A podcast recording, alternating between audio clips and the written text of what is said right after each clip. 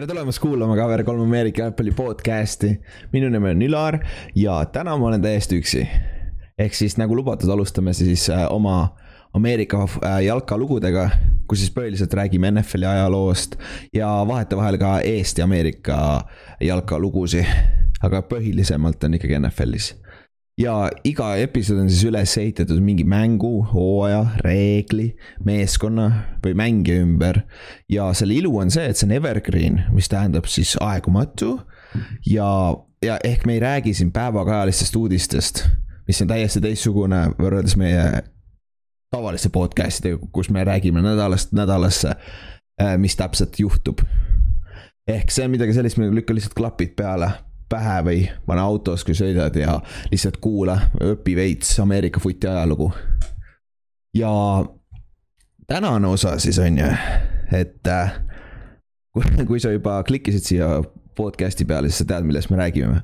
aga me räägime siis üheksakümmend kaheksa Minnesota Vikingi hooajast ja nagu minu arust on see üks parimaid lugusid, millega alustada sellist seeriat nagu, sest et see, mulle endal ei ole nagu mitte mingit kokkupuudet nii-öelda Minnesotaga, ma ei ole Minnesota fänn seal. otseselt ükski mängija väga mitte midagi huvitavat selles meeskonnas ei olnud, aga lihtsalt see lugu, kuidas see lugu kokku läheb ja kuidas see lugu lõpeb. et nagu see on midagi sellist äh, kohati nagu uskumatu nagu. et see on väga, minu arust üks parimaid lugusid NFL-i ajaloost. ehk siis see oli ka põhjus, miks ma valisin selle esimeseks siis selles äh, seerias siis aga mis siis ikka, lähme siis aastasse üheksakümmend kaheksa. Eestis olid korralikud üheksakümnendad veel. ma olin ise kolmeaastane, ma eeldaks, et ma käisin lasteaias sellel ajal vist, tegelikult kui ma ei eksi, siis ma vist läksin lasteaeda üheksakümmend kaheksa sügisel. ja, aga siis mujal, mujalt maailmas, mis toimus sellel ajal äh,. Prantsusmaa võitis World Cupi suvel siis USA-s toimus siin kerge uh, Bill Clintoni situatsioon, ütleme nii. tal oli selle, noh, Monika Levinskiga väiksed probleemid, ütleme jutumärkides probleemid. siis uh, Windows üheksakümmend kaheksa tuli välja ja Google asutati. Google asutati üheksakümmend kaheksa aasta. see on kõigest kakskümmend kaks aastat ja kakskümmend kolm aastat nüüd enam-vähem ja täitsa jõhker, võib-olla kõige, kõige, kõige mõjuvõimsam Äh, firma üldse maailmas praegu. et see on ainult kakskümmend kaks aastat või kakskümmend kolm aastat vana nagu. siis äh, filmide koha pealt äh, Saving Private Ryan tuli välja sellel aastal. väga hea, see esimene Omaha, Omaha Beach'i siin on ikkagi kõige, üks parimaid stseene üldse film, filmi ajaloos nagu. ja NBA-st Bulls võitis oma viimase, viimase meistritiitli Jordaniga aga siis NFL-is, mis juhtus siis, et äh, üheksakümmend seitse hooajal äh, võitis Denver Broncos meistritiitli, ehk siis äh, Denver Broncos oli siis kaitsev, kai-, kaitsev eelmise aasta superbowli võitja, ütleme nii, jah, vot, unustasin ära, kuidas sa ütled seda nüüd tiitlikaitsja, vot, tiitlikaitsja. jah, ja John Elway võitis oma esimese superbowli. Äh, esimesed kolm sai pähe ja siis lõpuks võitis, kui ta oli vana, aga ütleme nii, et Terrel Davis aitas kõvasti kaasa. ja siis äh, paar sellist, no üheksakümmend kaheksa aasta ei olnud sellist asja nagu vaba free agency't otseselt NFL-is. et äh, free agency sellisena, nagu ta praegu on, tuli alles üheksakümne kolmandal aastal, kui ma ei eksi ja, aga ikkagi selles alguses see ei olnud, see ei olnud sihuke, nagu ta praegu on. sihuke crazy ja sellist raha ikka ei pillitud ringi väga sellel ajal veel, aga paar sellist huvitavat signing ut oli küll üheksakümne kaheksandal aastal. et äh, Curtis Martin läks äh, Patriotsist äh, Jetsi, üks kõige underrated sum running back üldse NFL-i ajaloos ja väga sarnane karjäär Frank Core'iga. et nad ei võitnud, ta ei võitnud ühtegi superbowli ega midagi, aga kui ta lõpetas oma karjääri, ta oli ta oli äh, jardide mõttes oli üks parimaid jooksjaid NFL-i ajaloos, kõige rohkem jarde. kui ma ei eksi, oli kuues äkki või, kui ta lõpetas oma karjääri uh,. ja siis üks signing oli veel, Rod Woodson läks Ravensisse uh,. Rod, sa võid vabalt öelda, Rod Woodson on üks parimaid defensive back'e üldse NFL-i ajaloos minu, minu arust on äh, Ronnie Lott on number üks ja siis tuleb seal, siis on Ed Reedid, Rod Woodsonid ja mul on praegu blank, kes see kolmas, mitte Troy Polamalu äh,. mitte Mele Plant ka, Mele Plant oli cornerback ah,. täielik blank praegu. aga ei, vahet pole, igatahes Rod Woodson on minu top kolmes kindlasti. ja tema, ta üks parimaid külgi oli see, et ta ei olnud ainult safety, ta oli noh, defensive back, ta oli, ta oli nii safety kui cornerback. ja ta läks Ravensisse üheksakümne kaheksa üheksakümne kaheksanda aasta off-season'il ja ta oli üks, üks põhirollimängijaid selles kaks tuhat aasta Ravensi superbowli tiitli meeskonnas, kellel oli statistiliselt NFL-i kõige parem kaitse läbi, läbi ajaloo kõige parem kaitse. ja ta oli selle back-end'i siis koos Ed, Edrid ei olnud veel siis. ja et see back-end'i siis korraldas seal, et tal oli ees olid Ray Lewis'id ja siuksed vennad. Et see oli päris tähtis ja, aga siis üheksakümne kaheksa aasta draft'i, draft'is tuli esimene pikk oli Peyton Manning, võib-olla teate, sihuke päris, päris hea quarterback, viiekordne NFL-i MVP ja kõik see jama, mis ta saavutas äh,. siis Charles Woodson oli seal draft'is, Randy Moss oli seal draft'is äh,. Ryan Leaf oli seal draft'is kahjuks. Chargersil läks veits aia taha see pikk, ütleme nii, aga kui veits äh, kõrvale minna, siis tänu sellele, Chargers võttis äh, Ryan Leafi, nad olid nii pasad seal kaks aastat, kolm aastat. üheksakümmend kaheksa, üheksakümmend üheksa, kaks tuhat jah, kolm aastat olid nii pasad, et kaks tuhat üks aasta nad said endale draft'is Ladinian Tomlinsoni ja Drew Brees'i mis olid nagu väga-väga hea kombo, pärast Drew Brees vahetati Philip Riversi vastu, aga neil oli äh, Ledenian Tomlinson, kes oli võib-olla kahe tuhandendate alguses äh, äh, nagu äh, üks parimaid jooksjaid üldse NFL-is. et äh,, et see et see oli väga-väga kokku, kokkuvõttes tegelikult Chargersil ei läinud nii halvasti, kui, kui äh, esialgu tundus. aga siis ega, ega muud väga ei juhtunudki seal off-season'il, üheksakümne kaheksa aastal. ja lähme, lähme siis meie Minnesota Vikingsi juurde. ehk siis kõigepealt käime läbi, kes seal meeskonnas olid üldse tähtsad nimed, kellel, kellest, kellest võiks teada. ja siis käime läbi, mis nad äh, tegelikult tegid selle hooaja jooksul kuni lõpuni välja ja kuidas see, pagan, see nii uskumatu, kuidas see lõppes ikkagi tegelikult et äh, alustame siis peatreenerist, kõige tähtsam roll võib-olla, võid, võid vabalt vaielda, kõige tähtsam roll. ja selleks on Dennis Green, kes oli siis teine mustanahaline peatreener NFL-i ajaloos. ta tuli siis Bill Walshi West Coast Offense'ist, mis on väga-väga, väga paljud, ta on sellest äh, coaching tree'st siis pärit, mis on, seal on väga palju nimesid. kõik Kyle Shanahanid näiteks praegu, Kyle Shanahan jah, Mike Shanahan oli ta isa jah, Kyle Shanahan on täpselt sealtsamast tulnud et äh, ja ta sai üheksakümmend kaks aasta Minnesota peatreeneriks. ta viis Minnesota äh, kaheksal korral play-off'i üheksa aasta jooksul ja kõige haigem fakt üldse seitsme erineva quarterback'iga. ehk siis põhimõtteliselt tal oli iga aasta erinev mängujuht ja ta suutis ikka meeskonna play-off'i vedada.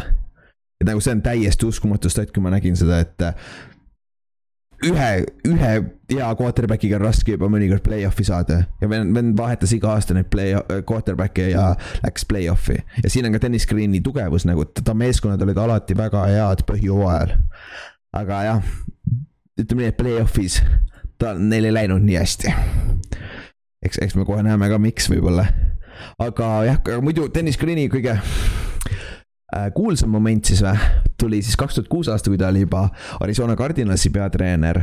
Äh, see, see mäng Chicago Bearsi vastu Äh, kus tal oli väike meltdown peale mängu intervjuul veits, ütleme nii, et ta oli veits kuri nagu oma meeskonna peale, noh, aga olgem ausad, see, kuidas nad kaotasid selle mängu, see on ikka päris haige. et äh, kaks tuhat kuus aastat Chicago Bears läks superbowlile muideks, Rex Crossman oli nende quarterback, kui ma ei eksi, siis selles samas mängus Arizona Cardinalsi vastu kaks tuhat kuus aasta Rex Crossman viskas neli interception'it ja rünne skooris kolm punkti. Ja aga, aga Minnesota võitis, kahe, nad skoorisid kokku, Minnesota, sorry, äh, Arizona võit. Chicago võitis, Saamani meeskonnad nüüd õieti, jah, Chicago skooris ründes neli punkt, kolm punkti, aga nad skoorisid kokku kakskümmend neli punkti ehk äh, nad skoorisid kaitses kaks korda ja ühe korra skooris Devin Ester mäletate seda number kahtekümmend kolme seal. ta viis punt return'i lõpus ära ja mis oli game winning uh, touchdown nagu. ma saan aru, miks Dennis Green nii kuri oli, sest nad lihtsalt andsid selle mängu ära Arizona käest. ehk, aga kokkuvõttes Dennis Green teenis päris palju raha selle intervjuuga selle meltdown'iga nii-öelda, mis kuurslaidiga või ühe, ühe õllefirmaga USA-s tegid pärast äh, Superbowli reklaami sellest ja kõik. et ma arvan, ta teenis päris palju raha selle eest, et see oli sihuke fun fact, et äh, vaadake järgi, see on päris naljakas. kuidas ta on veits kuri ikka seal pressikonverentsil siis veel Minnesota meeskonnas äh, huvitavad tähtsad tegelased. alustame kaitsest ja Johnny Randall, John Randall defensive tackle. üks minu lemmikuid mängeid üldse NFL-i ajaloos. sest ta, ta lugu on nii uskumatu ja see, mis ta NFL-is tegi, on väga uskumatu nagu. et ta tuli üheksakümnendal aastal, teda ei valitud draft'is, tuhat üheksasada üheksakümmend. Äh, ta mängis väikses äh, ülikoolis ja ta oli liiga väike, ütleme kohe ära, nagu ta oli ainult kuus üks, mis on sada kaheksakümmend viis umbes ja ta oli alla kahesaja viiekümne poundi ja ta oli defensive tackle.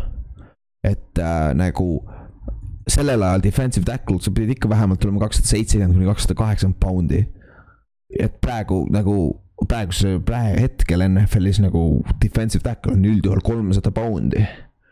mis on siis äh, ja kui ta oli alla kahesaja viiekümne, mis on siis ütleme viis, pea kuuskümmend poundi erinevus, mis on roughly noh, mingi kakskümmend kaheksa kilo või see on väga suur vahe nagu, see on väga-väga suur vahe. ja see, kuidas ta üldse NFL-i sai, oli, oli päris äh,, päris lahe, sest et äh, John Randalli vend mängis, oli Tampa Bay's, ta oli linebacker seal. ja siis äh, tänu sellele ta sai sinna tryout'i. aga seal ei töötanud see välja, John Randall, ja siis ta sai, siis ta sai järgmine võim- ja siis, siis teine võimalus oli minna Minnesotasse peale seda aga Minnesotal oli üks requirement, et sa peab olema vähemalt äh, kahesaja viiekümne poundine. ja tol hetkel John Randall oli kakssada nelikümmend kolm poundi, ehk siis ta oli seitse poundi liiga kerge.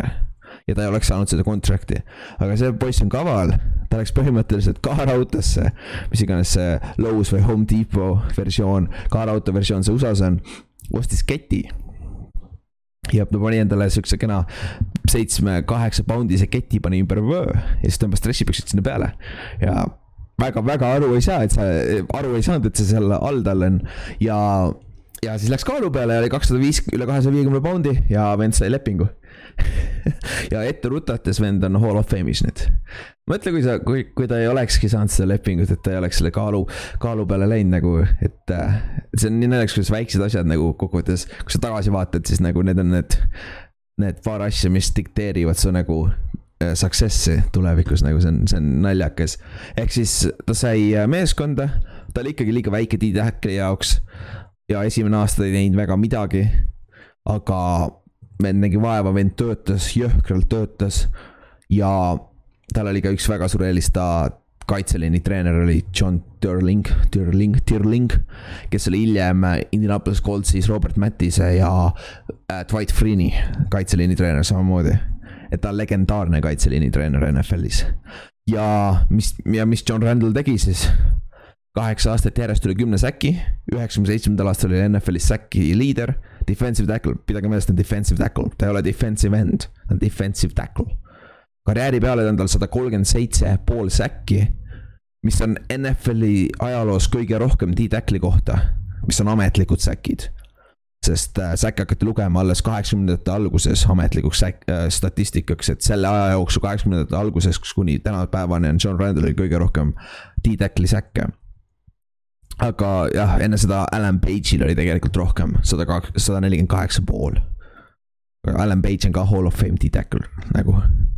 Ja ehk siis John Randall, kuna selle, ta, ta oli nii väike tal oli, tal oli nagu vastupidi eelis nende kaardide vastu, sest et noh, need äh, ründeliini vennad on no, tavaliselt lähevad D-tackle on sihuke suur, suur tugev poiss.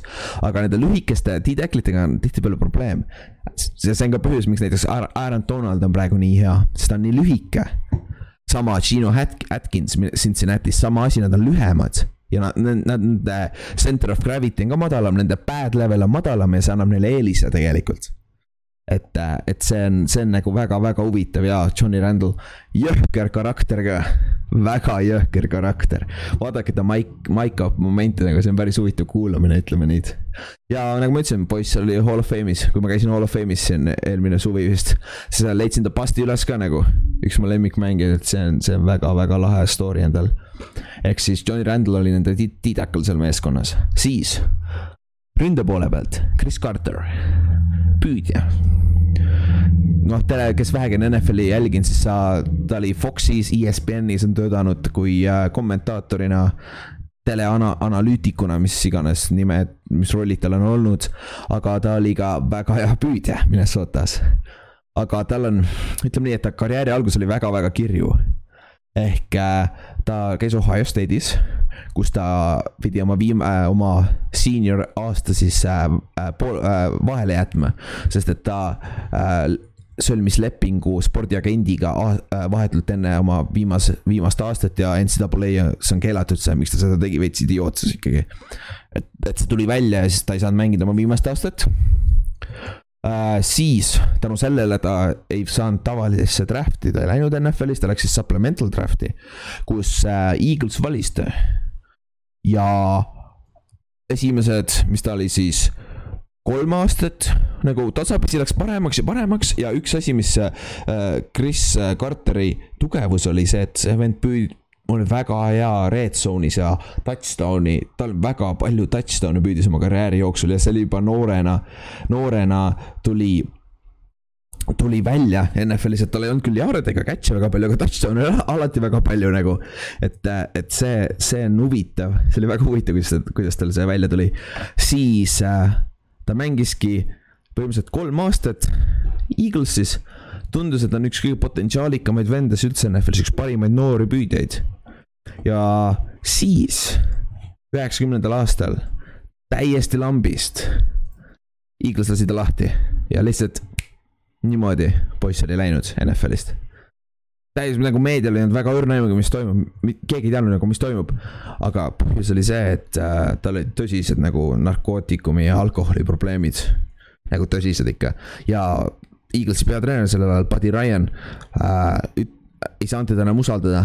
et sai see, ta teadis, et need off the field probleemid on liiga, liiga suured, et, et midagi peab siin tegema ja mis siis juhtus, Buddy Ryan lasi ta lahti.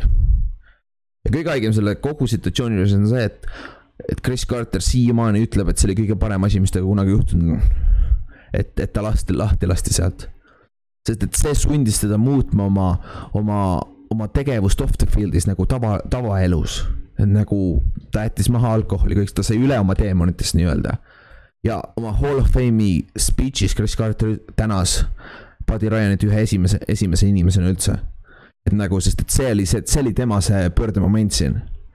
ja ja mis siis juhtus? Äh, Minnesota võtti äh,, andis talle lepingu nii-öelda teise võimaluse, mida NFL-is niikuinii spordis üldse väga ei juhtu. ja ta läks siis Minnesotasse väga väikse raha eest.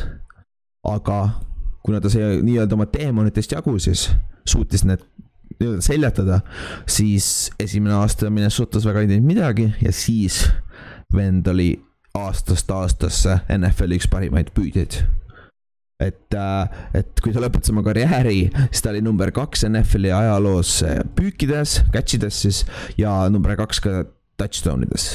ja number üks oli Jerry Rice, kes oli peaaegu kõige parem püüdja. sa võid vabalt, vabalt teha argumendi, et Chris Carter oli teiseks kõige parem püüdja üheksakümnendatel. kuigi seal on Chris Carter, Andre Reed äh,, Art Monk, Monki, Monk sellel, ta oli pigem kaheksakümnendatel äh,, siis äh, kes see Raidersist oli uh,? Blank jälle, jah, igatahes sa saad vabalt teha argumendi, et Chris Carter on teiseks kõige parem püüdja üheksakümnendatel oli. ja, ja siiamaani nagu ma kasutasin, ma mäletan, kui ma käisin äh, keskkoolis mul äh, õpetaja tahtis, et ma läheks sinna äh, kõnevõistlusele maakondlikutele.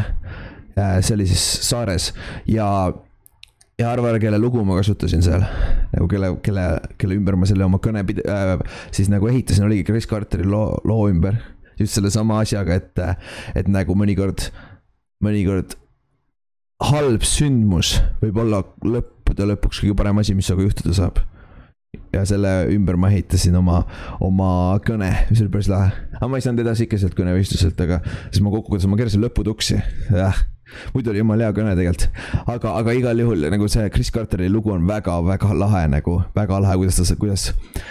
sest me ei saa nagu elus nii, niisama ja noh, spordist rääkimata nii paljud inimesed ei saa teist võimalust lihtsalt ja Chris Carter oli väga lähedal, et ta keeras oma, oma, oma elu tuksi nagu. aga, aga poiss nägi ikkagi valgust tunneli lõpus ja sai, sai jagu oma teemonitest. et see on väga-väga lahe ja üks asi veel.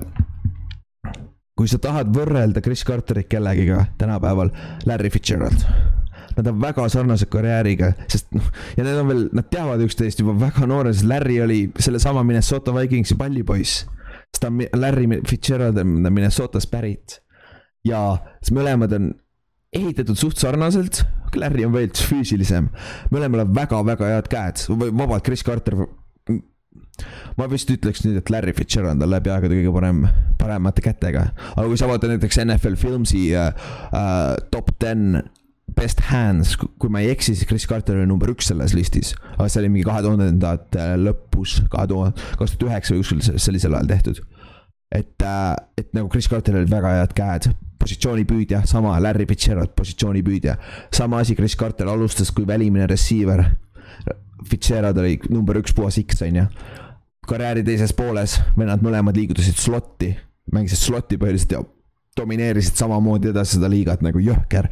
kui sarnased nende karjäärid on ja nad põhimõtteliselt, põhimõtteliselt äh, Chris Carter oli nagu mentor Larry Fitzgeraldile, aga nüüd Chris Carter ütleb otse välja nagu Larry Fitzgerald on parem kui tema karjäär.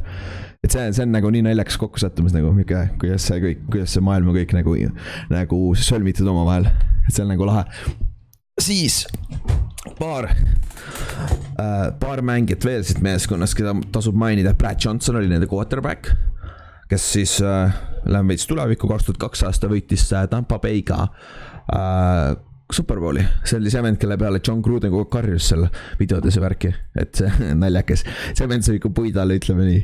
aga Brad Johnson, ta ei olnud mitte midagi erilist, ta oli suht nagu äh, back-up'i ja starteri vahel kogu aeg köikus siis äh, Minnesota offensive coordinator oli Bill äh,, Brian Billick. kes siis oli hiljem Ravensi peatreener ja võitis siis selle kaks tuhat aasta superbowli Ravensiga äh,. siis äh, Minnesota running back oli Robert Smith. suurem osa inimesed ei tea, kes ta on, aga nagu ta oli nii pagan hea quarterback, et quarterback jah, running back, et ta lõpetas oma karjääri kahekümne kaheksa aastaselt täiesti tipus ja mitte vigastuste pärast, ta lihtsalt tahtis midagi muud teha. ta on väga sarnane Marshall Foggiga, et ta oli sihuke two-way running back, kes püüab ja jookseb väga hästi. et ja ta oli ehitatud ka väga sarnaselt ja highlight idest. Kui te mäletate seda highlight'i, kus äh, Randy Moss püüab selle pika palli kinni ja siis viskab selle üle õla tagasi lateral, lõib selle nii-öelda kellelegi teisele ja siis skoorib touchdown'i, vaata, seesama Robert Smith, kes selle kinni püüab. ja see oli see esimese poole lõpus, kui ma ei eksi, et see oli üks, üks, üks vingemaid play'si üldse, väga, väga creativity Randy Mossi poolt, on ju. aga siis veel äh,, Randall McDaniel oli seal Minnesota meeskonnas. Legitilt NFL üks parimaid kaarde läbi aega, ajaloo nagu lihtsalt kaksteist äh, järjestikust Pro Bowli, kaksteist aastat järjest Äh, üheksa järjestikust first team all pro'd. ehk siis ta oli põhimõtteliselt terve üheksakümnendate Randall McDaniel oli NFL-i kõige, üks kahest kõige paremast kaardist. nagu see consistency on täiesti uskumatu nagu. see vend oli väga hea ja arva ära, kelle vahe, vastu Johnny Randall kogu aeg trennis tahtis minna. Ma ütlesin, rääkisin Johnny Randalli work ethic'ust ja tema, tal väga head treenerid ka olid. ta tahtis Randall McDanieli vastu kogu aeg minna ja, ja lõpuks see vend sai jagudest. kui sa oled iga, iga päev kõik, ühe parima kaardi vastu üldse NFL ajaloos, nagu sa saad paremaks ükskord. ja ma, John, John Randallist sai endast hall of famer nagu jõhker. siis äh, äh, kiker, Gary Anderson äh,. tänaseks ta on siis äh, kolmanda, kolmandaks kõige rohkem punkte skoorinud NFL ajaloos. Ja üks täpsemaid äh, äh, kikereid üldse NFL ajaloos, jah et siis tema, Gary Anderson ja Morten Anderson olid äh, pikalt üks ja kaks, kes siis äh, võitlesid selle kõige rohkem punkte skoorinud tiitli pärast peale NFL-is. aga nüüd, nüüd siis tänaseks on Adam Vinatieri mõlemast neist mööda läinud. ja siis viimane, keda tasub mainida, Randall Cunningham, kes oli siis back-up quarterback selles Minnesota meeskonnas. ja ütleme nii, et äh, nimi on tuttav, on ju, aga ta on back-up ja oma suht karjääri lõpus. ehk siis see on seesama Randall Cunningham, kes oli Eaglesis, kes oli Eaglesi tuleviku lootus, aga ütleme nii, et tal hakkas see kuulsus pähe. et see play, mis ta Monday Night Footballil tegi Carl Banksi vastu, minu Giantsi vastu sa pead highlight'i vaatama, ma ei, ma ei suuda isegi kirjeldada seda, seda play'd nagu, sest et see, kuidas, kuidas ta püsti sealt jääb, on täitsa uskumatu nagu. Ja kui, ja see üks play nagu tegi temast household name'i NFL-is nagu täieliku superstaari. ja ta oli küll hea mängija, täitsa soliidne mängija uh,. Two-way quarterback, kes väga hea jooksja väga,, väga-väga hea jooksja ja vis-, ja klassikaline sihuke, kelle vise ei ole väga täpne. nagu sorry, Lamar Jackson, aga väga sarnane kusjuures nagu väga sarnane, jooksu koha pealt ka väga sarnane, nagu väga plahvatuslik. et äh, jah, ja siis äh, kuulsus hakkas talle Philadelphia's pähe, ta oli küll franchise quarterback, seal ikka omad, oma kaheksakümmend seitse tuli minu meelest ja üheksakümmend viis lasti lahti ta, eks pea, pea kümme aastat, on ju. aga lõpuks jah, ei, ei tulnud sellest mitte midagi välja, vigastused olid ka tüüpiline on ju jooksva quarterback'i kohta, vigastused. ja mängis muideks äh, Chris Carteriga koos seal alguses, huvitav. ja siis üheksakümmend peale üheksakümne viiendat aastat. ma ei tea, kas ta, ma ei tea, kas ta tegelikult retire'is ka nagu official'i, aga igatahes üheksakümmend kuus aastat ta ei mänginud, siis üheksakümmend seitse aasta Minnesota võttis ta endale back-up quarterback'iks lihtsalt. hea veteran quarterback, vaata. jah, ja väga hea otsus oli, ütleme nii. ja, ja siis peale selle äh, vist ei olegi, rohkem tähtsaid nimesid ei ole vaja läbi käia. ei ole seal meeskonnas nii-öelda ja siis lähme draft'i juurde, lähme vaatame, mis äh, Minnesota tegi draft'is sellel aastal, üheksakümmend kaheksa aasta. Ehk nad võtsid kuuendas raundis, said Matt Burke, Birk, Birk, Matt Birk, kes oli center. ja selles üheksakümne kaheksa aasta Minnesotas ta ei teinud väga midagi, aga ta hiljem võitis Ravensiga superbowli kaks tuhat kaksteist aasta. Ja kuuekordne pro bowl'il, kuus korda pro bowl'il olnud, et äh, päris hea karjäär kuuenda, kuuenda raundi pikist, väga hea, Minnesotas ta mängis ka, mängis ka sentri koha peal, et äh, väga hea pikk oli kuuendas raundis, ütleme nii. ja siis kõige tähtsam nimi sellest draft'ist, Randy Moss. Nad said Randy Mossi ka sellest esimeses raundis. ja, oi Randy Moss, sa tahad rääkida äh, Randy Mossi kirjuskarjäärist või? et äh, ma, okei okay,, käime läbi siis kähku, see on väga huvitav, mis ta oma ülikooli jooksul tegi nagu. see ainult ülikooli jooksul, mis ta NFL-is tegi, see on juba, see on nagu next level story on ju. aga enne äh,, ülikoolis siis high school'ist ta tahtis alati Notre Dame'i minna mängima, kolledži footi.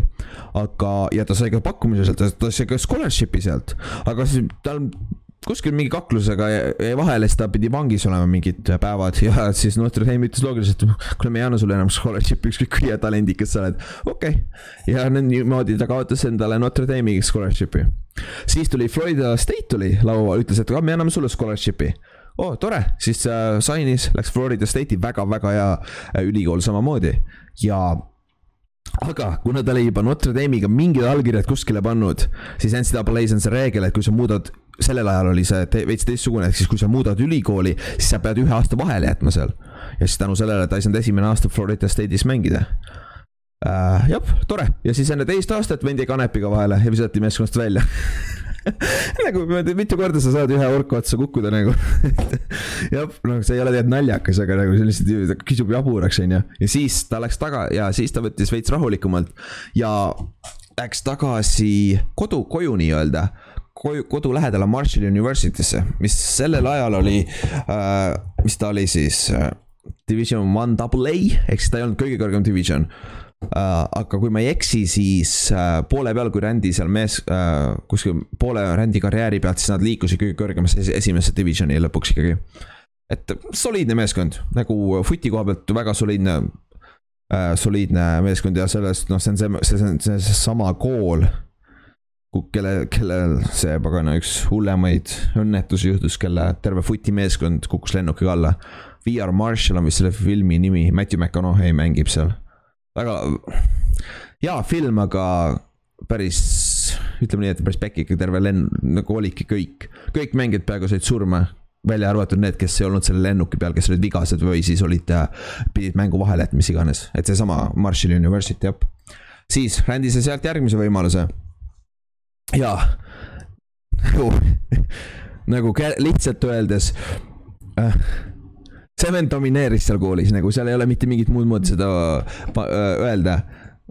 statistika, üheksakümmend kuus aasta, viieteist mänguga tuhat seitsesada jaardi, kakskümmend kaheksa touchdown'i, mis on püüdmisega, püüdmisega püügijärgi, jardid siis ja touchdown'id. üheksakümmend seitse aasta äh,, kolmeteist mänguga tuhat kaheksasada jardi, kakskümmend kuus touchdown'i ja seal sees on ka üheksakümne jardine touchdown nagu see on kolledž ja see on, see on üheksakümnendad, me tuletame meelde nüüd, see ei ole tänapäeva kolledž, kus jaa, tõesti.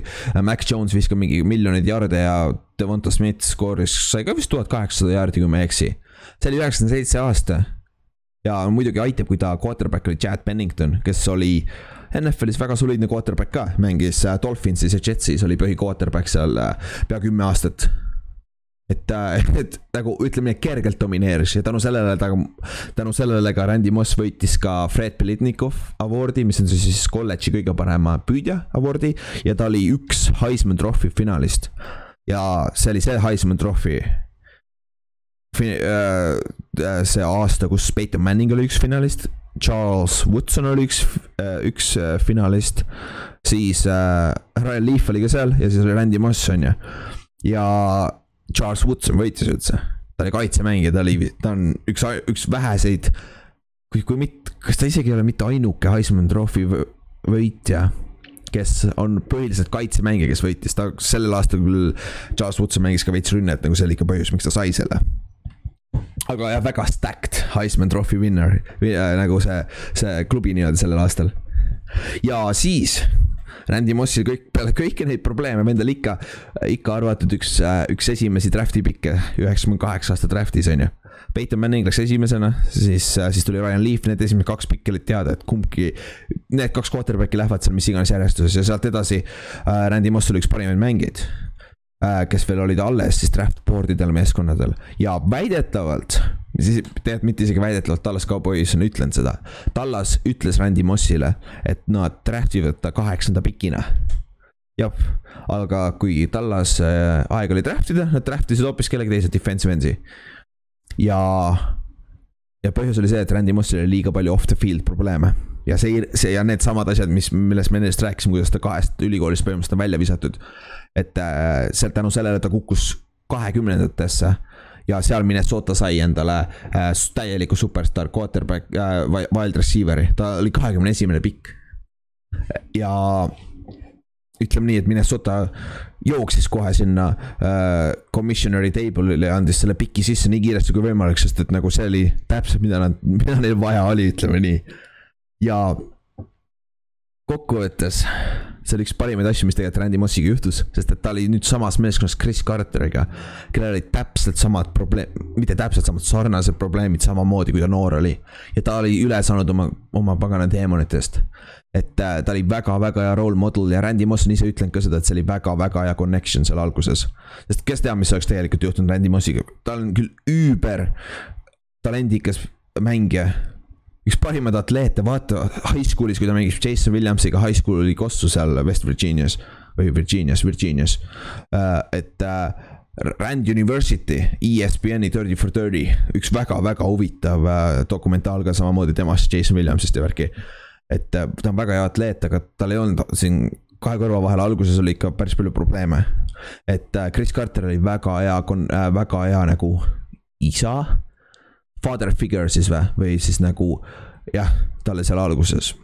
et õpetada, kuidas see professionaalne, see atleedi elu käib. ja kokkuvõttes Randy Moss, no me kõik teame, on ju, yardidest ta oli neljandaks kõige rohkem jarde, on praeguse seisuga. ja touchdown idest ta on teine NFL-i ajaloos. et pole paha pole paha draft'i piki kohta, kellel oli väga palju probleeme off the field, aga, aga üldjuhul ta sai oma probleemidest jagu ja, ja väga-väga hea NFL-i karjäär, Hall of Fame'i läks ka nüüd siin paar aastat tagasi. vot, nüüd saime vist kõik Minnesota põhitegelased on läbi käidud, draft'ist sai räägitud eks lähme hooaja juurde, lähme siis nende tegeliku hooaja juurde.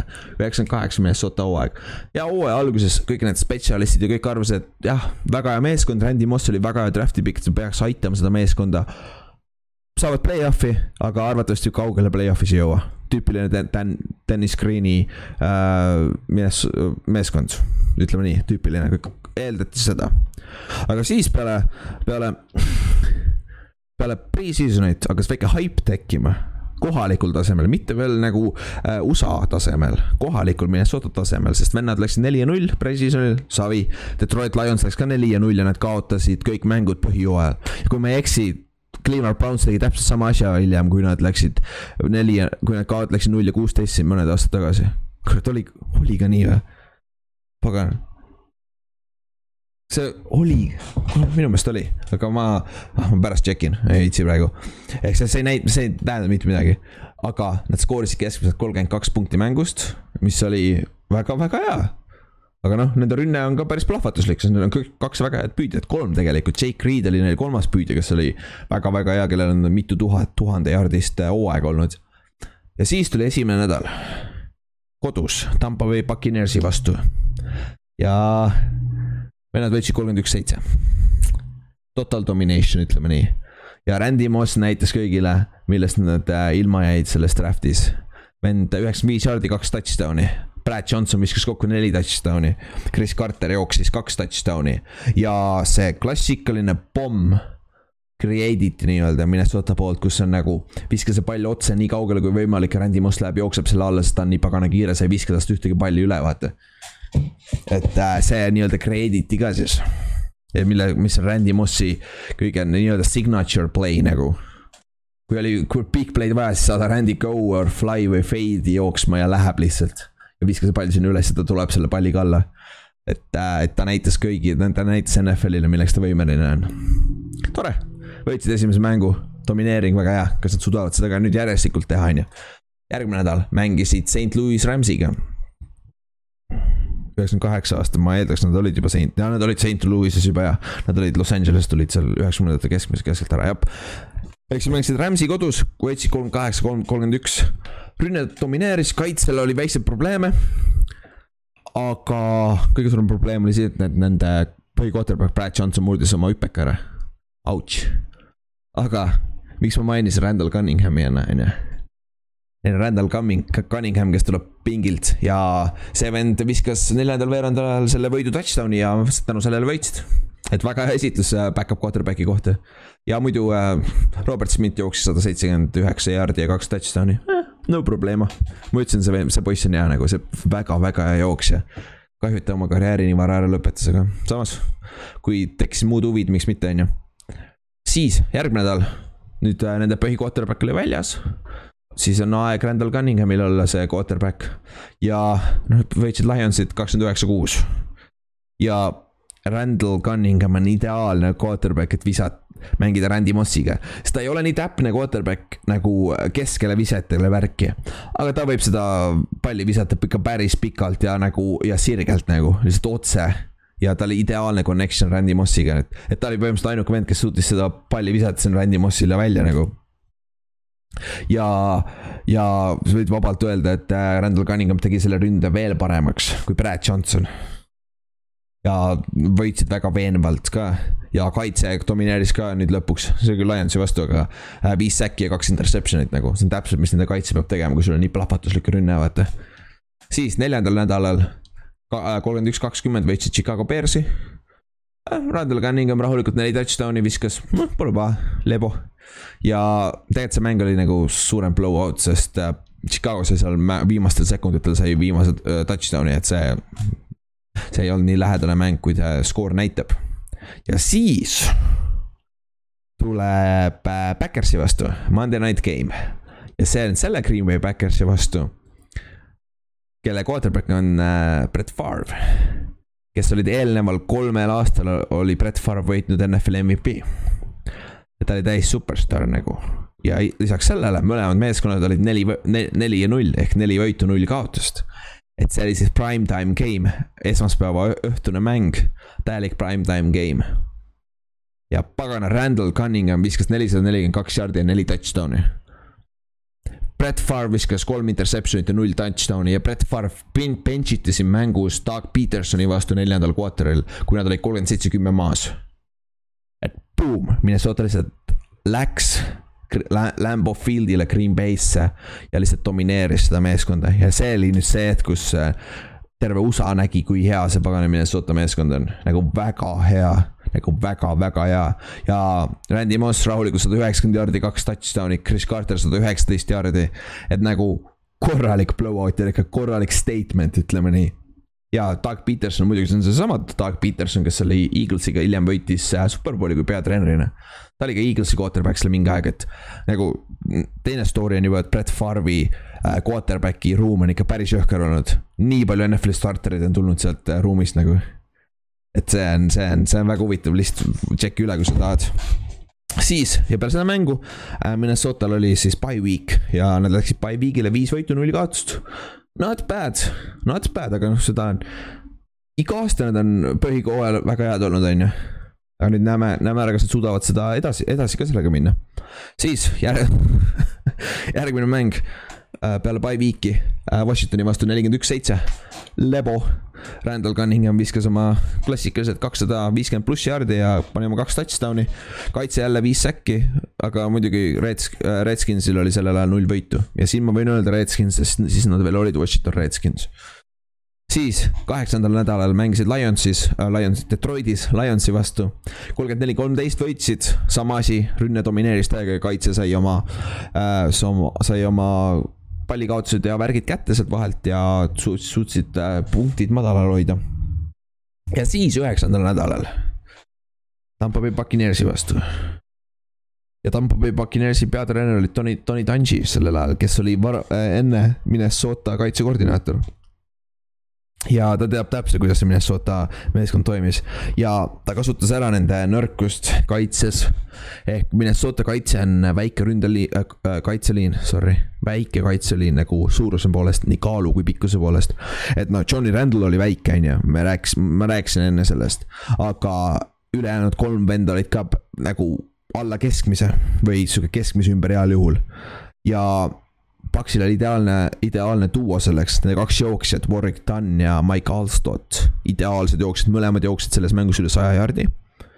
ja kui sa tahad vaadata, vaadata, kuidas täiskasvanud inimene jookseb üle teiste täiskasvanud inimeste vastu nende tahtmist.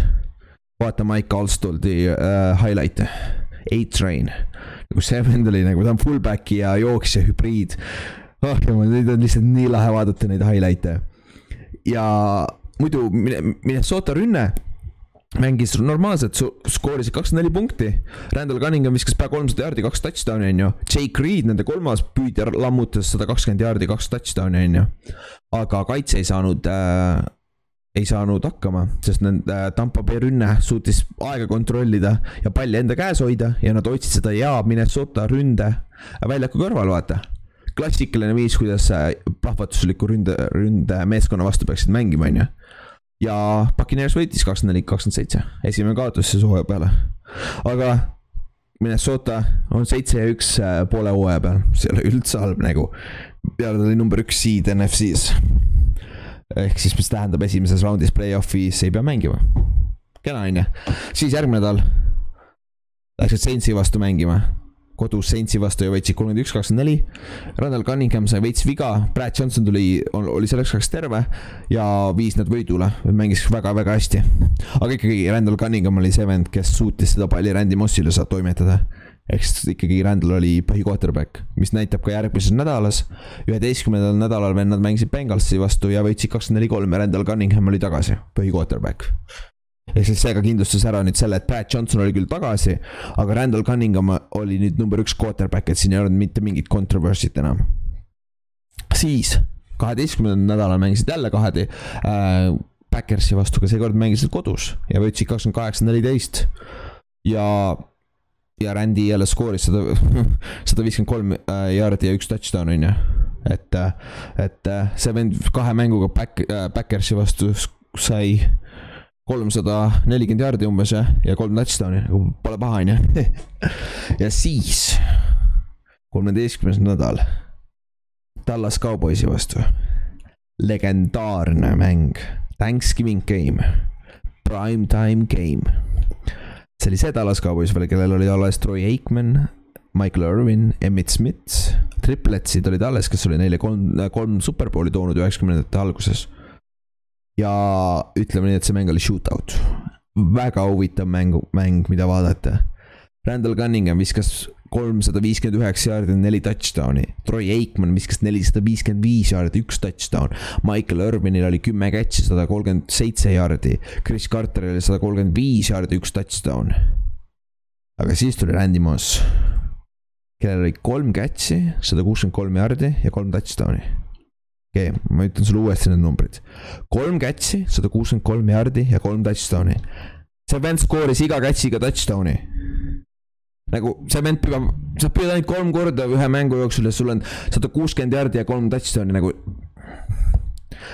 noh, põhjus on see, et Randil oli väike ekstra motivatsioon siin, sest see on seesama Dallas Cowboys, kes ütles talle draft'i, enne draft'i, et nad draft'i ivad ta, et ta oleks saanud Dallas Cowboysis, Dallas Cowboysiga mängida. Texases ta oleks täielik superstaar olnud. võib-olla ei oleks ka samas, sa ei tea kunagi, vaata, mis juhtub. aga see oli tema revenge game ja Randy Mossil oli kolm catch'i, sada kuuskümmend kolm jaardi ja kolm touchdown'i, nagu ma ei saa üle, see on kõige haigem statline üldse. kui ühe mängu kohta, et, äh, et lihtne, esimene catch oli Flea Flickeri pealt tuli äh, viiekümne ühe jaardine touchdown. teine catch oli klassikaline Randy Mossi pomm, sada viiskümmend kuus jaardi, äh, üks touchdown. aga kolmas catch, vend püüdis, püüdis põhimõtteliselt quick out või mis, mis see flat või mis, mis iganes rada tal oli.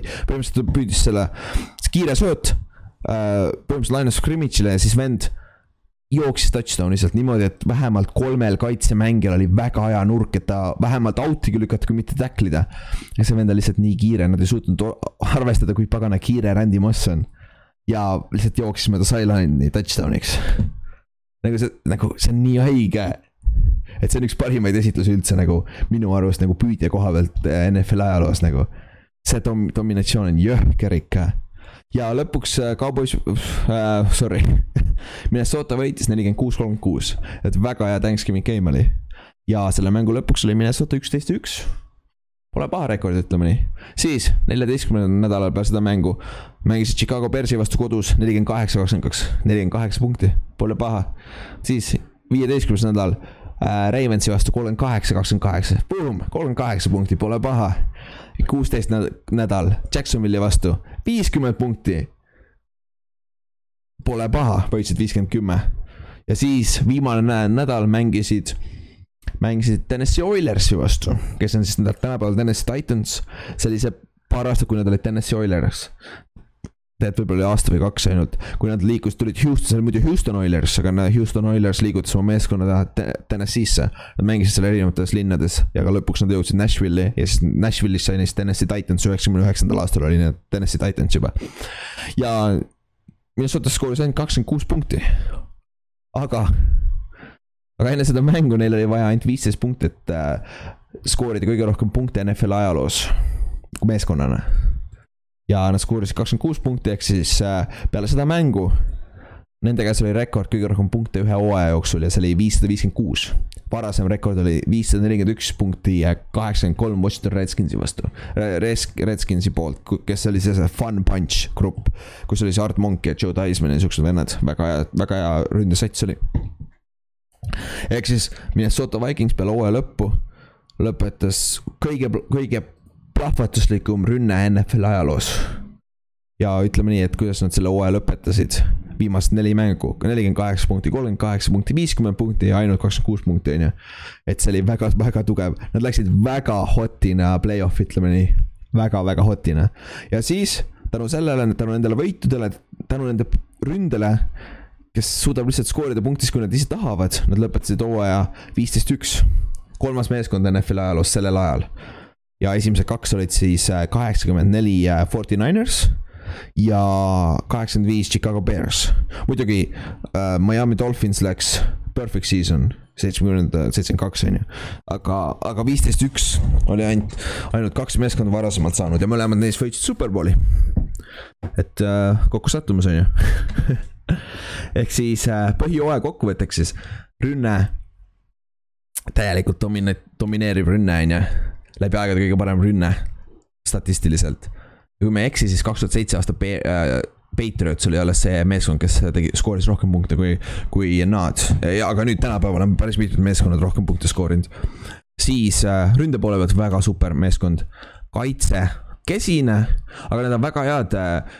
Nad ei lasknud vastasel väga palju punkte skoorida ja nad olid väga hea pallikaotuste tekitamises, et see nagu sul on ide-, see sihuke kaitse on ideaalne siukse ründe, ründe vastu, et see on tahes-tahtmata see meeskond on ehitatud ründe ümber, aga kaitse on piisavalt hea, et ta nagu, nagu kom- äh,, nagu komplimendib seda rünnet väga hästi.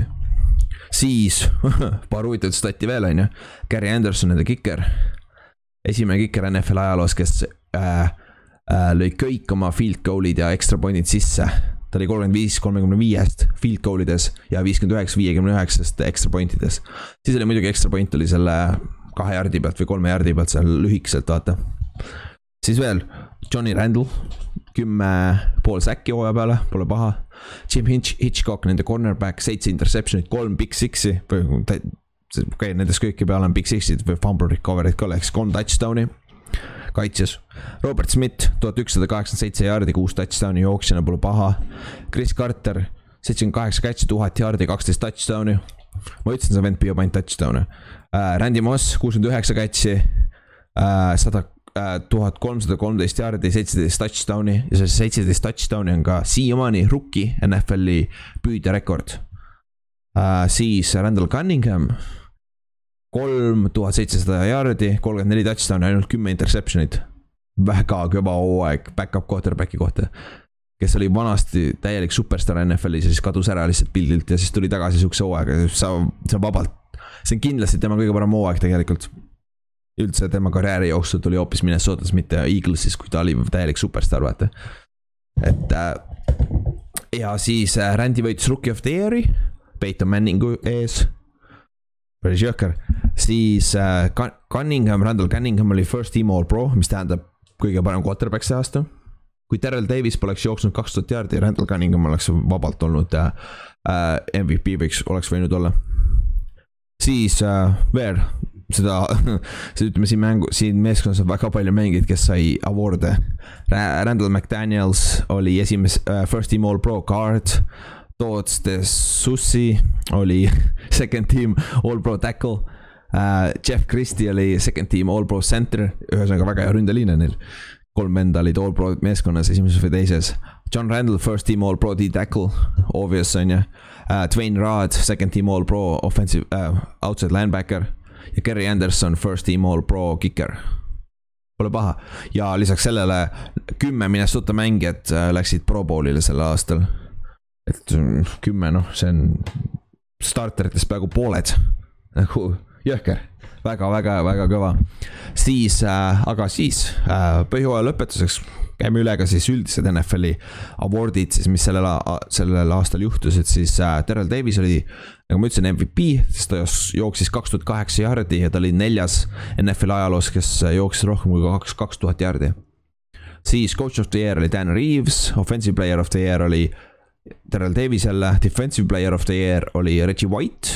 Offensive rookie of the year was, oli Randy Moss on ju uh,. Defensive rookie of the year oli Charles Woodson. väga hea, väga hea vend uh,. NFL comeback player of the year, year Doug Flutie, kes tuli Buffalosse, Kanadast mängis. Doug Flutie on CFL-i ehk siis Kanada Ameerika jalgpalli, sa ei ütle Kanada Ameerika jalgpalli, see on Kanada jalgpall siis uh, läbi aegade kõige parem mängija, võib vabalt selle argumendi teha. see vend lihtsalt domineeris seal. siis uh, Six Man of the Year, Dan Marino, quarterback, Sixth Man of the Year. oh jumal küll, ma, ma jõudsin järsku NBA juurde, on ju. NFL Man of the Year, Dan Marino, jah, mitte Sixth Man of the Year oh,. jah, tahu ja, siis uh, peale hooaja lõppu, kes meil siis play-off'idesse sõid üheksakümne kaheksandal aastal, kõige paremad meeskonnad, siis äh, sellel ajal oli NFL-is täpselt kolmkümmend meeskonda ja äh, siis äh, igas divisionis oli kolm meeskonda, ei kolm, viis meeskonda siis, sorry. ja igas konverentsis oli ainult kolm divisioni. ehk siis AFC Eestist sai edasi viiest meeskonnast äh, neli jõhker. Jets oli, Jets sai play-off'i, Dolphins sai play-off'i, Pils sai play-off'i ja Patriots sai play-off'i. siis äh, AFC-s, AFC poole pealt üldse, siis Denver Broncos oli esimene seed, Jets oli teine äh,. Jacksonville Jaguars oli kolmas, see oli seesama Jacksonville Jaguars, kelle vastu Minnesota viskas viiskümmend punni, on ju pagana play-off'i meeskonna vastu, kellel oli üksteist võitu, viskas viiskümmend punni nagu, jõhker dominatsioon nagu.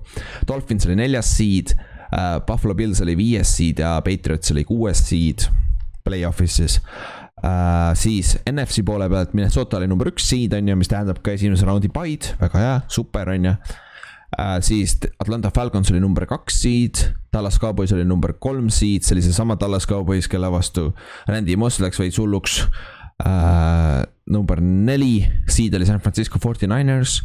number viis oli Green Bay Packers, kellele ka Minnesota tegi kaks korda pähe. Ja Arizona Cardinals oli number kuues seed, play-off'i koha pealt siis. ja siis lähen play-off'i juurde. esimeses raundis Minnesota ei mänginud kellegiga, sai kodus olla. ja teises raundis, division, divisional raundis siis mängis Arizona vastu. ja mitte midagi erilist mängus ei juhtunud, ainult enne mängu Anias Williams, nende Arizona Cardinalsi cornerback ütles, et nende kaitse paneb Randy Mossi ja Chris Carteri tõmbab täiega, täiesti kinni. nagu nad shut ivad down'i äh,. ütleme nii, et väga, väga ei shut inud, nad skoorisid ikka nelikümmend üks punkti ja võitsid nelikümmend üks, kakskümmend üks on ju. ja noh, Randy visk-, sai seitsekümmend kolm jaardi, üks touchdown, Chris Carter sai kaheksakümmend kaks jaardi.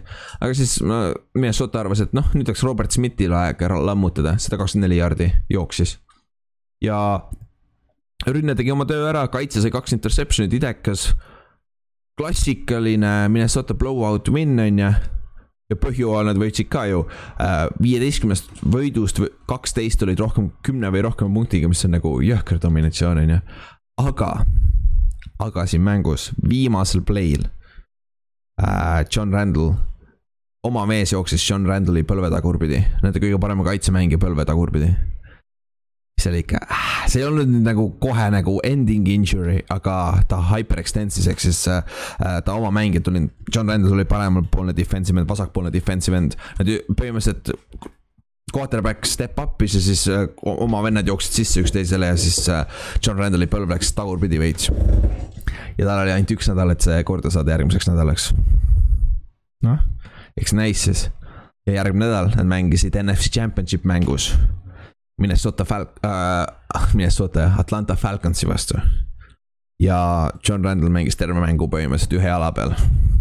sest esimesel või teisel, mängu alguses keegi cut block'is ka teda ja siis selle põlv läks täiesti tuksi nagu. aga vend mängis nagu see vend ei anna kergelt alla, on ju. ja ka seesama Minnesota Falcons oli neliteist ja kaks. Nende peatreener oli coach of the year. et see on väga-väga hea meeskond aga mäng siis hakkas, Atlanta kohe skooris alguses touchdown'i ja siis Minnesota sai oma, oma ründemasina käima, kohe, kohe vastas Randy Mossile touchdown'iga. aga siis nad skoorisid veel äh,, veel ühe touchdown'i ja kaks field goal'i. ja seal sees oli ka üks Randy Mossi drop. ja kui nad olid kakskümmend, kakskümmend seitse poole, esimese poole lõpus ees oma poole peal äh, mingi minut aega mängida, siis Minnesota otsustas veel, et nad üritavad veel skoorida ja Randall Cunningham viskas incomplete pass'i, incomplete pass'i ja siis äh, pass rush sai tal palli kätte ja famblisid. ja järgmine play äh, Atlanta skooris touchdown'i, mis äh, jättis lõpp äh,, esimese poole lõpuks oli kakskümmend neliteist. Minnesota oleks võinud vabalt olla sko, skoorinud seal vabalt kolmkümmend punkti. Randy Mossi drop touchdown ja siis see fumble seal lõpus, nagu see vahe oleks pidanud olema rohkem kui kümme punkti aga mis ei saa midagi öelda, Atlanta tegi hea töö, kasutas ära selle võimaluse, on ju. aga vaatamata sellele, teisel poolajal mõlemad meeskonna ründajad nagu, nagu ei saanud, kumbki ei saanud käima ennast. et noh, Atlantal ei olnud ka mingi väga suur rünne nüüd, väga hea rünne, on ju, aga Minnesota ei saanud ka oma rünnet käima, aga neljandal veerandajal nad juhtisid kakskümmend seitse, kakskümmend, Minnesota juhtis. ja nad nad olid just drive imas, nad olid mitu, neli järjestikust first down'i saanud ja, aga kaks minutit kaksteist äh, äh, sekki oli mängida veel, aga siis äh, kolmandal down'il edasi ei saanud enam first down'i. aga nad olid field goal range'is. ja kui nad siit field goal'i sisse löövad, on mäng läbi ja juhivad kümne punktiga, on ju. ja kaks minutit mängida, suure tõenäosusega mäng läbi ja sa oled võitnud, on ju. ja see on ainult kolmekümne üheksa jaardine field goal. Neil on kõige, läbi ajaloo kõige parema hooaja teinud kiker üldse. ta pole põhimõtteliselt kaks aastat üle ühtegi kikki mööda löönud, on ju. Ta mängib kodus. Minnesota mängis, mängib Dome'is. kõik on kontrollitud kliimatingimused see peaks olema automaatne nagu. siin on see moment, on ju. aga ma ei oska seda paremini edasi anda, lihtsalt te peate kuulama seda. et welcome to the moment in history. He's done it all year long, hasn't missed an extra point or a field goal. Field goal wins it. He makes this, pretty much this game is over. 39 yard attempt. The spot, the kick by Anderson on the way. It's no good. Anderson has missed a field goal for the first time in two years. Unbelievable. ja nagu kuulsite, kuidas õhk sellest staadionilt välja läks või? nagu, sa tahad rääkida šokist, on ju. nagu ükskõik, kõik me oleme ikkagi lõppude lõpuks inimesed. Ja kui sul on sihuke kiker, kes on kõik, kõik field goal'id sisse löönud terve hooaja jooksul suurem osa eeldasid, et nad lööb, et ta lööb sellega sisse. ja nüüd momentum läks täiesti Atlanta poole peale. nagu täielikult. sest et nüüd nemad said teise võimaluse. sest neil on nüüd vaja ainult touchdown'i kahe minutiga ja boom, nad lähevad lisaajale.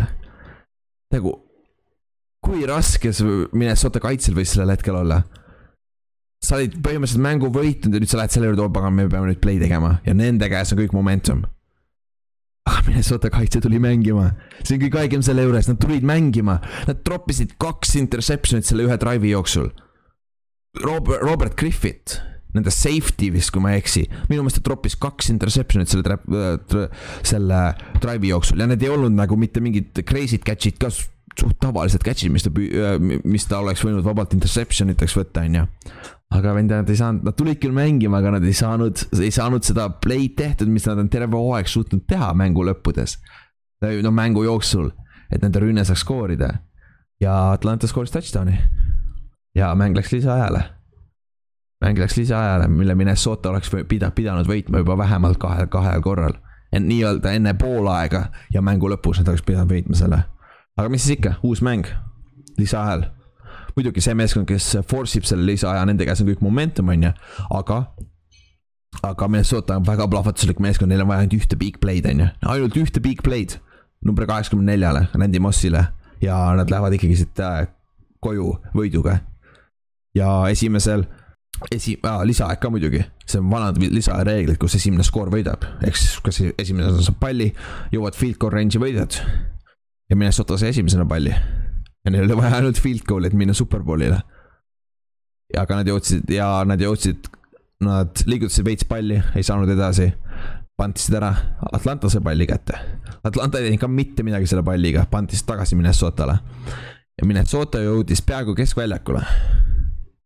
ja siis, see oli see aeg, kui oli vaja see pall nüüd Randy Mossile toimetada. ja see pomm ära visata Randy Mossile ja pagan, kui, kui lähedal nad olid sellele Randall Cunningham jäi veits lühikeseks oma sööduga. Randy Moss pidi seisma jääma ja ootama seda palli ja siis, siis tänu sellele Atlanta kaitse jõudis sinna vahele, aga see oli väga-väga lähedal.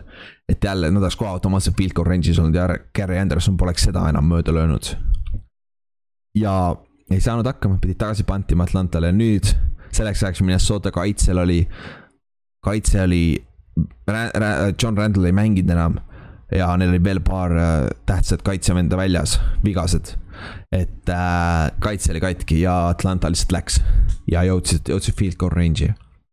ja nüüd nende kiker Morten Anderson, kellest ma räägin, mainisin ka enne just, on samas situatsioonis nagu Gary Anderson, täpselt sama kauguse pealt. täpselt samale poole lööb samasse väravasse. Ja meil on lisaajal võimalus ja boom lõi sisse. ja Atlanta võitis mängu. ja niimoodi see hooaeg oligi läbi. ma ei taha teada, mida need vennad ja kõik fännid pidid tundma nagu. ma olen kahjuks Giantsi fännina, ma nägin seda kaks tuhat kümme aasta mängu, kui Deshaun Jackson skooris selle punt return'i touchdown, ma eeldan, et neil oli umbes sama tunne, kui mitte hullem, sest meil oli see kõigest põhjooaja mäng. see oli, see oli sul võimalus minna superbowlile, mida Minnesota ei ole mitte kunagi võitnud. Ma arvan, nagu see pidi olema lihtsalt väga rõve tunne sest et sul oli nii palju, Minnesota oleks võinud selle võita esimese poole lõpus juba põhimõtteliselt ta oleks võinud selle mängu teha, teha kahepositsiooniliseks vähemalt. ja siis Atlanta peab oma mänguskeemi ka muutma. Neil oli nii palju võimalusi, siis neljanda veerandajal lõpus neil oli võimalus teha kümnepunktiliseks see mäng. kõige täpsema kikeriga NFL-i ajaloos, statistiliselt.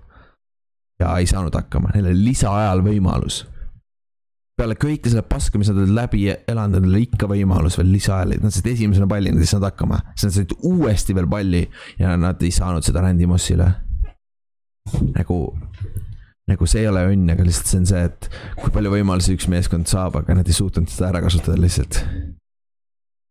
Et see on nagu, see on nagu, ma ei kujuta ette, mis nende fännid tundma pidid ja mängijad nagu et see võis ikka väga, väga, väga rõve valu ka, äh, kaotusele. Chris Carter ütles ka peale, ma ütlen hiljem, et see oli kõige hullem kaotus, mis tal kunagi olnud on ja arusaadav ka, on ju aga siis Atlanta läks superbowlile, kaotas Denveri vastu, äh, John Elway võitis oma teise järjestikuse superbowli, sai superbowli MVP ja retire'is lõpuks kahe superbowliga.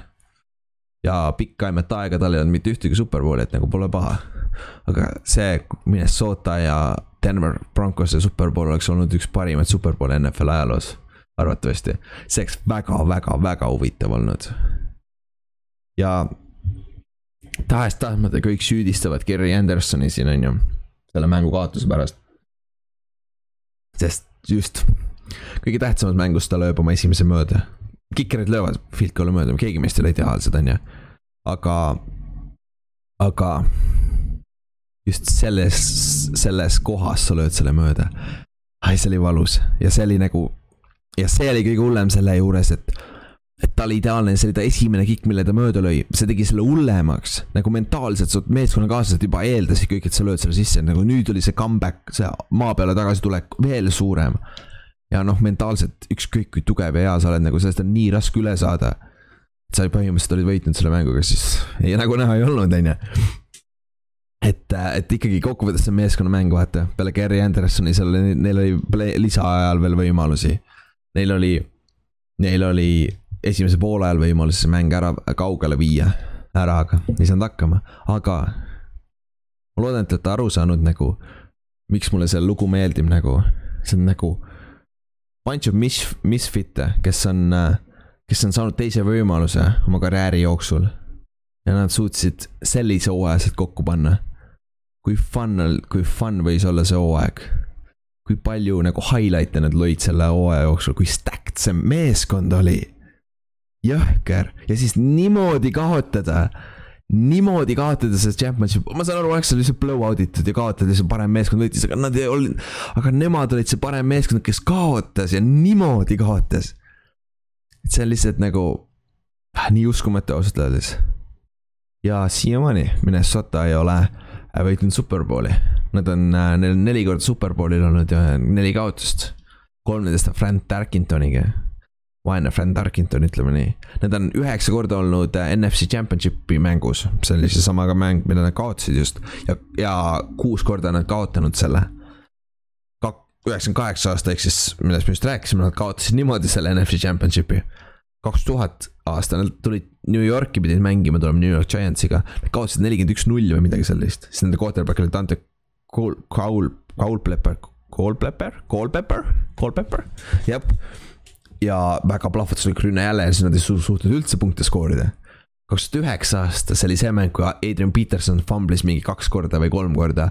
ja see oli see mäng, kus Brett Favre, kui nad olid põhimõtteliselt field goal'is, nad olid viigis Saintsiga ja ja põhimõtteliselt field goal range'is ja Brett Favre otsustas visata risti üle keha ja Tracy Porter võttis selle palli ära lihtsalt. ja kaotasid lõpuks lisaajal selle mängu. kaks tuhat seitseteist kaotasid Philadelphia Eaglesile. Nagu, ütleme nii, Minnesota äh,, Minnesota fänn ei ole kõige lihtsam olla. et äh, neil on olnud väga palju heasi meeskondi läbi aegade, aga nad ei ole suutnud siiamaani seda superbowli võita. et äh,, et siin on ka nagu vaesed fännid, ütleme nii jumal tänatud, et mina ise valisin vähemalt siukse meeskonna, kes on mõnda superbowli võitnud ja ma olen ise näinud ühte seda võitu nagu. et see on ikka päris hea tunne, on ju. aga sellega on siis ka kõik. käisime, et nagu minu arust üks parimaid lugusid NFL-i ajaloos ja ja, ja sellised siis meie Ameerika jalkalugude episoodid saavad olema. ehk, ehk lükka klapid pähe. tunniks ajaks kaota ennast ära äh, äh, Ameerika footi ajalukku ja äh, kuula, milleks inimesed võime, võimelised on. Et päris lahe minu meelest ja thanks kuulamast ja järgmise korrani siis. tšau